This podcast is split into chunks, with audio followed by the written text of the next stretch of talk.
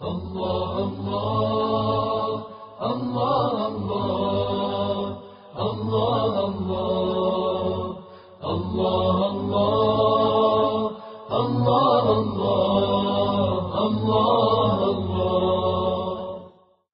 بالله من الشیطان الرجیم.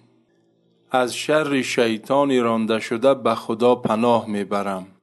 بسم الله الرحمن الرحیم. به نام خداوند بخشنده مهربان. سلام همراهان گرامی. شیطان بر چه کسانی تسلط ندارد؟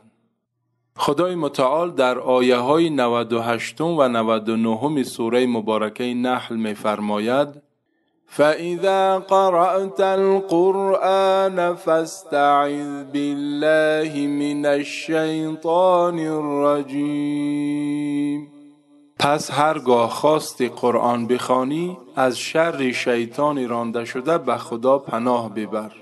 انه لیس له سلطان علی الذین آمنوا وعلى ربهم یتوکلون. در حقیقت شیطان بر کسانی که ایمان آوردند و بر پروردگارشان توکل می‌کنند تسلط ندارد. پیام هایی که از این دو آیه می آموزیم یک بهترین خلق و افضل رسولان خدا حضرت محمد مصطفی صلی الله علیه و آله و سلم در حین مقدسترین کار. یعنی قرائت قرآن باید از شر شیطان رانده شده به خدا پناه برد.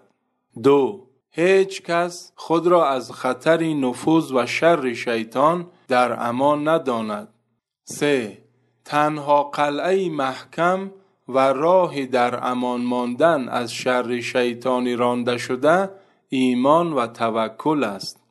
چهار شیطان به سراغ همه می آید ولی بر مؤمنان متوکل تسلط ندارد. پنج پناه بردن به خداوند از شر شیطان رانده شده نشانه ایمان و توکل بر پروردگار است. شش نشانه ایمان عمل کردن به دستورهای پروردگار است. در همین آیه به پناه بردن به خدا از شر شیطانی رانده شده امر شده است. هفت قرآن را باید بخوانیم چون در آن راه ایمان و توکل و برنامه رشد و سعادت انسان و در امان ماندن از شر شیطانی رانده شده وجود دارد. هشت معیارها را بدانیم و اهل آن شویم تا در امان بمانیم. خدایا ما را به هدایت خودت عالیم و عامل بگردان. تا برنامه بعد خدا نگهدار. Allah, Allah, Allah, Allah, Allah, Allah, Allah,